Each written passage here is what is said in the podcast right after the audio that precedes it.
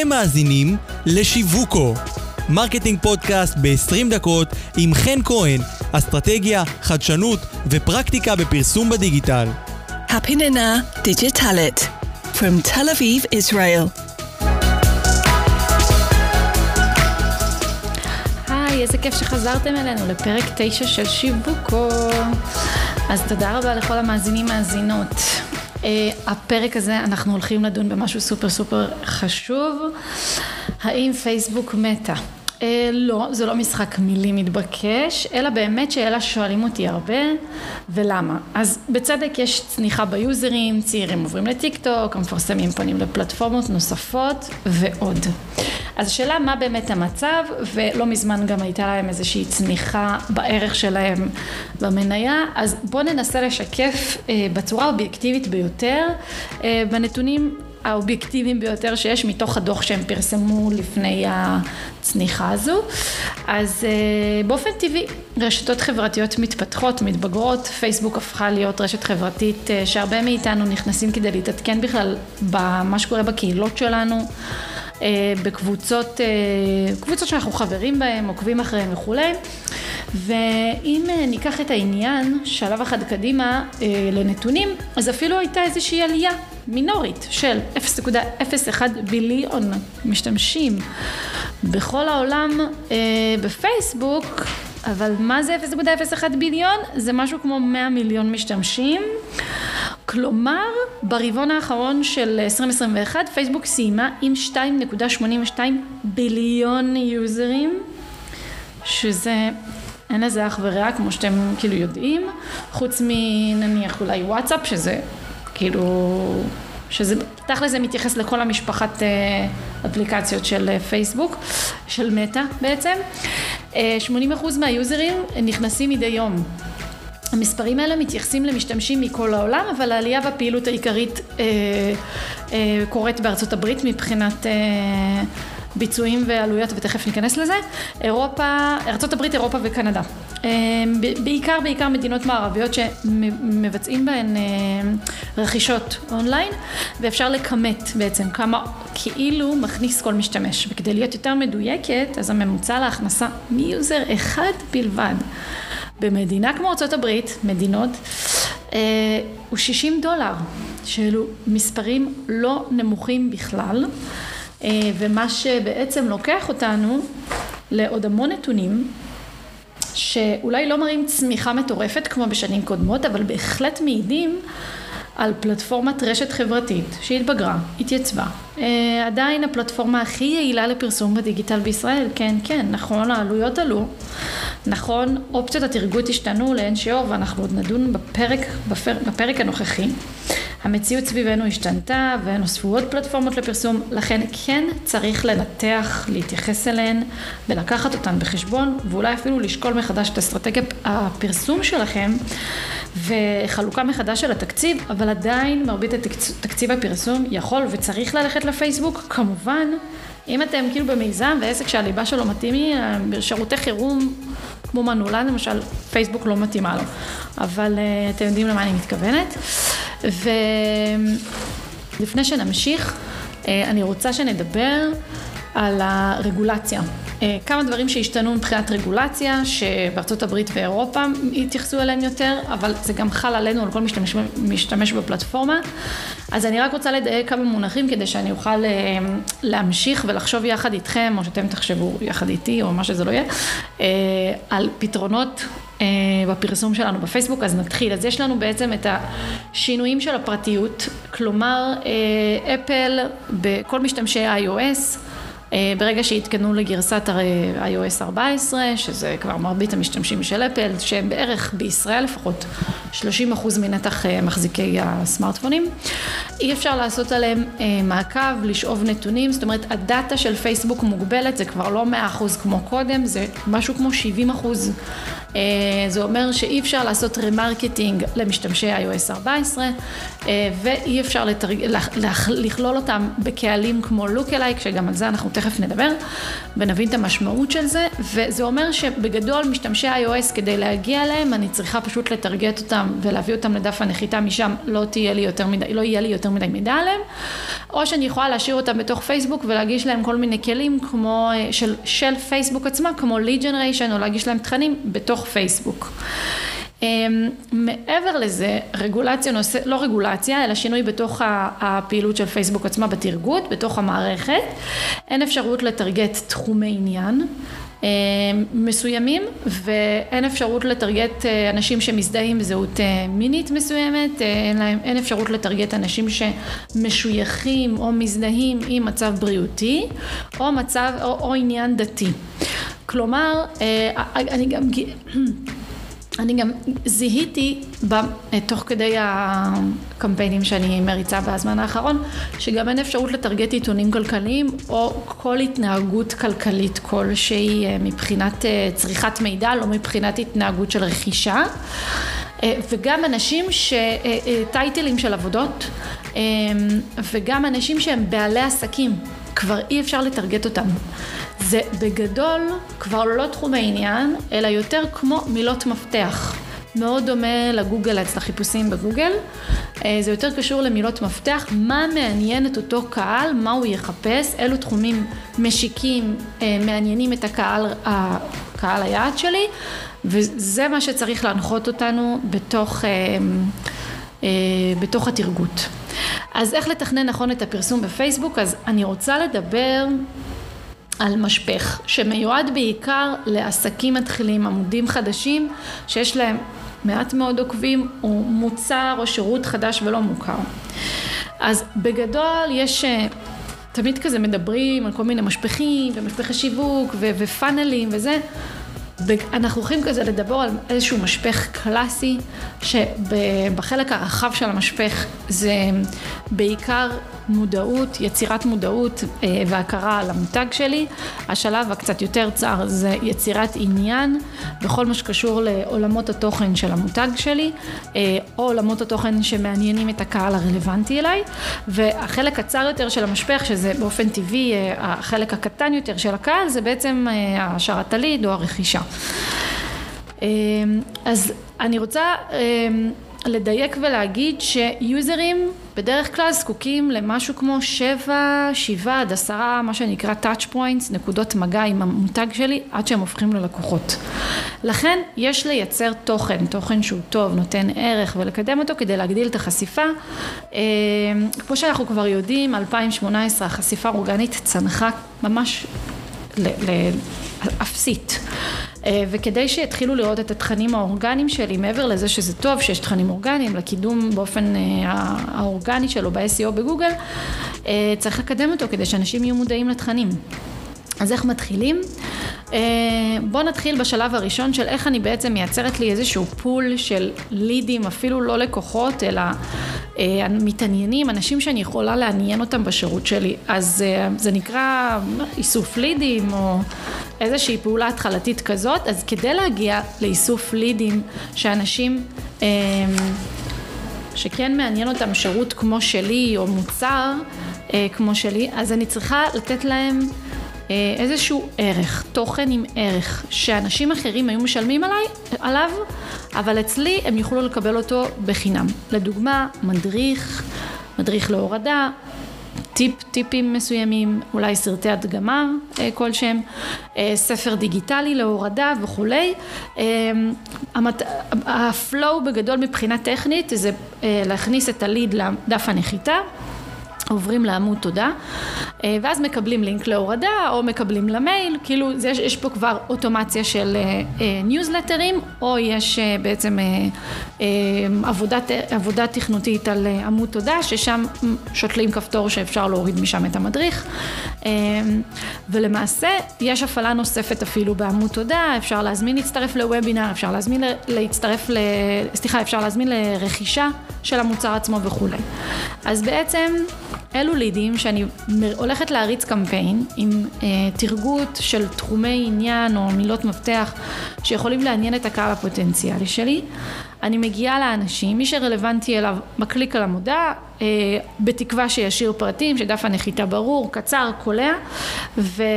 אלו לידים שיגיעו אליי יחסית, יחסית בעלות נמוכה, אה, בגלל שאני נותנת משהו בחינם. נכון, יש הרשמה, נכון, אני כאילו לוקחת פרטים, אבל בסופו של דבר זה התוכן עצמו, הוא תוכן שיכול להיות בתשלום, אני נותנת אותו, אה, הוא בעל ערך גבוה ואני נותנת אותו בחינם.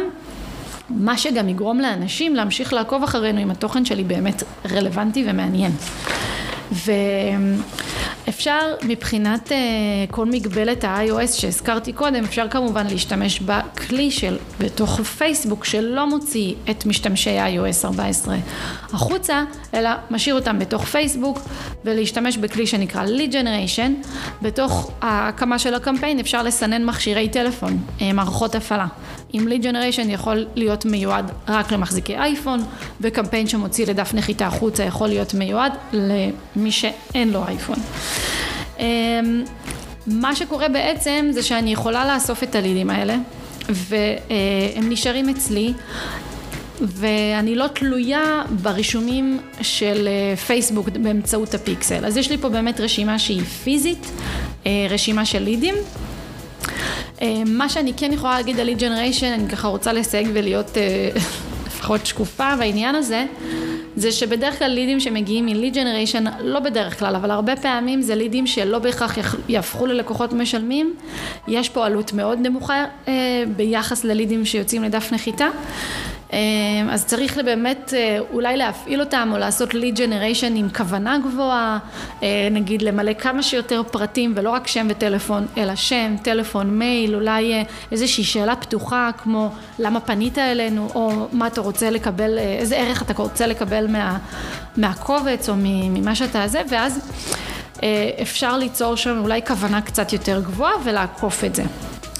דבר נוסף, כדי uh, לצבור לידים, אבל עדיין לשמור על עלות יחסית נמוכה, um, צריך להשתמש כמובן בקריאייטיב. קריאייטיב הכוונה uh, לטקסט שמלווה את המודעה, גם לתמונה או לוידאו למודעה עצמה, וכותרות שנמצאות uh, ככה בשורה האפורה מתחת, שזה גם מלווה עם הכפתור. אז צריך, uh, בכל, מתוך כל הרעש מסביב צריך לבלוט. אני ממש ממש ממליצה לכם לפחות בתור התחלה כדי שיהיה לכם, כי אתם יחסית עמוד שמתחיל, או עסק שאולי קצת לא מוכר, או שירות שעדיין לא מכירים, כן להיעזר במעצב ובקופירייטר, רק שאפילו ייתנו לכם את הזהות הזאת את הזהות בתוך הרשתות חברתיות, לבנות איזשהו פרסונה, מי אתם, איך להתייחס אליכם, האם אתם דמות רצינית, האם אתם אה, דמות שהיא ככה קצת יותר עם חשיבות עצמית כזאת, האם אתם אה, דמות שיכולה לצחוק על עצמה, יש לכם הומור, כאילו ליצור מהמותג או מהשירות איזשהו בן אדם, בן אדם שמדבר על עצמו ומדבר אל הקהל שרוצה שבעצם יקנה, יקנה אותו, יקנה ממנו. אה, וברגע שיש איזושהי זהות אז קל יותר להבין כאילו מונחים שמשתמשים בהם, לגבש איזשהו... אה, לגבש בעצם את השפה המותגית, גם מבחינת הטק, הטקסט וגם מבחינת הוויזואלית. וזאת עבודה מקדימה שמאוד מאוד כדאי לעשות, בגלל שזה נורא אה, ממקד. אה, ואם אה, אחרי שיצרנו את השפה הזו, אה, אני ממש ממליצה ליצור, אה, כשעולים עם פרסום, ליצור כמה סוגים של מודעות. ולעלות עם אחד, שניים, שלושה, ואז לבדוק מה, מה עובד יותר טוב, זאת אומרת לעשות סוג של מה שנקרא A-B טסטינג. לאחר, לאחר משהו כמו כמה ימים אפשר לראות באופן ברור אמ, איך המערכת של פייסבוק מגיבה לזה ואם היא יותר אוהבת קריאיטיב אחד או אחר, מה שהיא אוהבת יותר אפשר לייצר מזה עוד דברים דומים, מה שהיא אוהבת פחות אפשר אולי מה שנקרא לאפטם את זה, לעשות לזה טיוב ולעדכן כותרת, לשנות אולי הנאה לפעולה, אה, אולי לעדכן קצת את העיצוב, אולי לעשות אותו יותר ברור. אם לא השתמשתם בפנים של אנשים אז אולי כן יותר להיות אנושיים, אולי להראות את המוצר עצמו. אה, אולי להראות שימושים שלו, שימושים שונים. ובגדול ממש ממליצה של לפחות פעם בחודש לעדכן קריאייטיב, ואני מסייגת. מה שעובד לא נוגעים, כמו תינוק ישן, מה שעובד לא נוגעים. כל עוד זה עובד, לא לשנות כלום. ברגע שזה מתחיל קצת לעלות עלויות, עלויות, אה, עלות לליד עולה, עלות לקליק עולה, יש פחות קליקים, ה-CTR יורד, ברגע ש-CTR זה אה, שיעור הקליקים פר חשיפה, ברגע שיש איזושהי, אה, איזושהי תזוזה שם ולא לטובה, אז צריך לרענן קריאייטיב, תהיו מוכנים מראש, יהיה לכם בקנה, כדי שתוכלו להגיב בזמן. אז מה עוד בודקים? שימו לב לעלות להמרה. עלות להמרה, אה, אין לי בנצ'מרק, כל תעשייה, אה, כל מוצר, כל שירות, יש לו כזה בנצ'מרק משלו. אה, פשוט צריך לראות שה-ROI חיובי, שיש יש גם עלויות שונות על אותו מוצר בתעשיות שונות, כלומר business. business to customer, כאילו השוק הפרטי יש עלויות אחרות, בשוק העסקי, המגזר ציבורי וכולי, יש עלויות אה, גם כן שונות, שזה יכול להיות, יכול להיות על אותו מוצר, אה, אפילו על אה, למשל כמו רהיטי משרד, אז יש רהיטים לבית, זה יכול להיות אותו שולחן, אבל העלויות יהיו שונות. אז אה, כדאי לשים לב לזה, ואני חושבת שגם כדאי באופן קבוע, כשמריצים קמפיינים, לעשות A-B טסטינג. הכוונה זה להריץ כמה קריאיטיבים, כמה מודעות, לכמה קהלים, ולבדוק כל פעם פרמטרים שונים. זה יכול להיות רק כותרות. Uh, לבדוק רק אם, אילו כותרות עובדות יותר טוב. אפשר לבדוק את זה על מה עובד יותר טוב, אם image או וידאו, או image מונפש, ואז זה כזה סוג של וידאו. אפשר לבדוק מספר טקסטים שונים. אפשר לעשות איזושהי אה, אה, בדיקה גם על אה, תקציב, זאת אומרת אם זה תקציב ברמת קמפיין או תקציב ברמת קבוצת מודעות, האם זה יומי או תקציב כולל, האם יש, אה, ב, זה, אפשר לעשות גם בדיקה של מודעה דינמית, שפייסבוק מריץ כאילו באופן עצמאי את כל הקריאייטיבים שהכנסנו וזה כאילו נכנס תחת אותה מודעה, יש מספר תמונות, מספר טקסטים, אה, מריצים כמה מטריקות ואז יראה, הפייסבוק עושה את זה עצמאית ואז אה, רואים איזה שילובים עובדים הכי טוב. אה, מה עוד? יש אה, שווה לבדוק ולהריץ קמפיינים של לוק אלייק וקמפיינים שהם קצת יותר פתוחים. אני רוצה להסביר בקצרה מה זה לוק אלייק, זה בעצם קמפיין, אה, סליחה, זה בעצם קהל שנתתי לפייסבוק איזושהי אה, נגיד רשימת לקוחות, ומתוך רשימת הלקוחות הזו אה, ביצעתי בתוך המערכת קהל דמה, שבעצם מחכה את הפעולות שהקהל שהעליתי עושה, אם זה מתחומי עניין שהם אה, תחומי עניין דומים, התנהגות ברשת, התנהגות בפייסבוק, התנהגויות רכישה וכולי, אז יש קהלי דמה שהם מאוד מאוד מאוד דומים, זה נקרא 1%, 2%, וככל שמתרחקים באחוזים אז הקהלים קצת פחות דומים, אבל זה קהל קצת יותר רחב. אז אפשר להריץ קמפיינים של לוק אלייק של 1-2 אחוז, אפשר להריץ קמפיינים, אה, אפשר להריץ קבוצת מודעות לצורך השוואה שזה עם אחוזים קצת יותר גבוהים.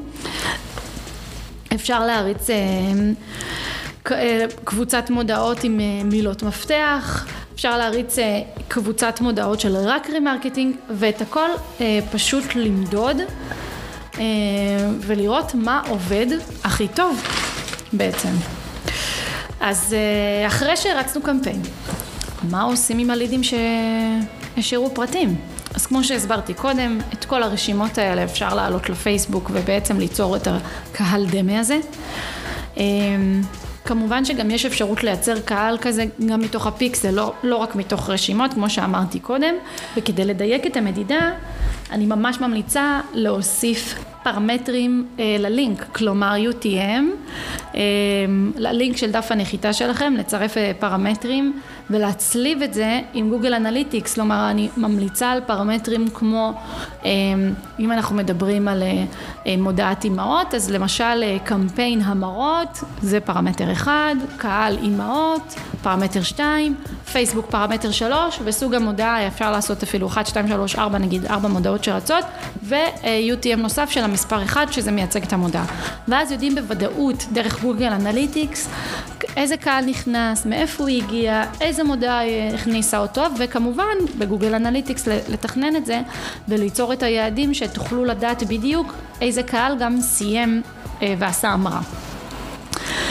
בנוסף, בגלל שיש לנו כל מיני מגבלות של ה-iOS ובגלל שאנחנו רוצים לעשות מעקב כמה שיותר מדויק, יש באלמנטור שזה תוסף אה, של וורדפרס שמאפשר לבנות דפי נחיתה, יש אפשרות לעשות כמה דברים. קודם כל, מן הסתם לייצר את דף הנחיתה. אתם יכולים לייצר דף נחיתה ארוך, דף נחיתה קצר, לבדוק מה ממיר יותר טוב. אפשר לשכפל את אותו דף נחיתה ולהגיש אותו לקהלים שונים. ואז בתוך הטופס עצמו אפשר לשנות את הכותרות של הטופס, וכאשר מערכת ה-CRM או האימייל אה, מושכים את הליד, אפשר לדעת בדיוק איזה קהל השאיר את זה, כי השם של הטופס יכול להיות אה, לידים אימהות, לידים אה, עובדי הייטק, לידים תרומות, לא יודעת מה, וכל כותרת אפשר אה, כמובן שהכותרת צריכה להיות ברורה והיא בעצם יכולה להראות מאיפה מגיעים יותר, יותר לידים או יותר פניות או... ואז תוכלו לדעת איזה דף עובד יותר טוב, איזה קהל ממיר, עוד דרך לדעת בלי להיעזר ב Analytics. אה, תוכלו גם למקם אה, טפסים במיקומים שונים בדף, כלומר טופס עליון, טופס תחתון, טופס אה, אה, אמצעי, טופס אה, קצר, אם יש רק טלפון ומייל, אם יש טופס שהוא שם וטלפון או שם טלפון מייל, כאילו טופס קצת יותר ארוך, תוכלו ממש לתייג אותם, פשוט זה נעשה בצורה ממש פשוטה, משכפלים את העמוד, משכפלים את הטופס ורק משנים את הכותרת שלו בפנים. כמובן גם בתוך הכותרת של הטופס להוסיף כמובן את הקהל, אם זה קהל lookalike, אם זה קהל שרואה את הדף אה, נחיתה פעם ראשונה, שזה הקהל אה, היותר יותר בסיסי במשפך וכולי. אז דיברנו על מלא מלא דברים, דיברנו בעיקר על האסטרטגיה של פייסבוק. וזה כן, כן קורים שינויים. כן קורים שינויים בעולם, בדיגיטל, בפלטפורמות, הצרכנים משתנים, ההתנהגות הצרכנית משתנה.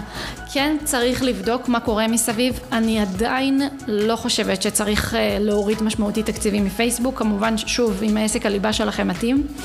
אני כן חושבת שבאזור ה-60-70 אחוז מבחינת גודל תקציב כן צריך להיות בפלטפורמות של פייסבוק. שימו לב שוואטסאפ זאת, המש... זאת פלטפורמה שבישראל 98% מה, מהמשתמשים שיש להם סמארטפון, יש להם וואטסאפ. אני מהמרת שכן יהיה בסופו של דבר, אה, זאת כן תהיה פלטפורמה פרסומית. אני גם חושבת שפייסבוק הולכת גם כן לפרסום אה, של אודיו.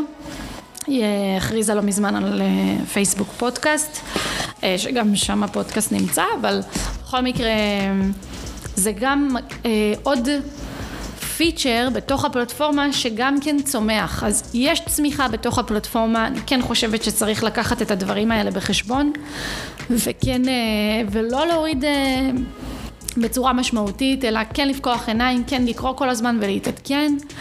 ולהיות כל הזמן עם היד על הדופק, זה העסק שלכם, זה הופך להיות אה, חלק בלתי נפרד מהזהות שלכם, ואת השיווק, שהרבה פעמים זה לעבוד בזה, וזה קצת כאילו לסטות מהליבה ומהמהות של העסק, אה, יכול אה, עבודה לטווח ארוך, עבודה נכונה של תוכן.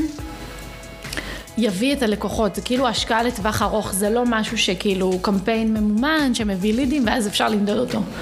יצירה של תוכן והשקעה בו זה השקעה לטווח ארוך, וזה משהו שיתגמל את העסק ואת הקהילה שתבנו אה, בהמשך, לא מיד.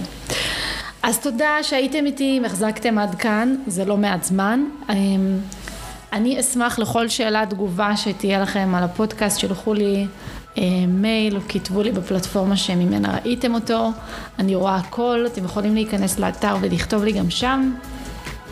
זהו, תודה שהייתם איתי עד כאן. תודה.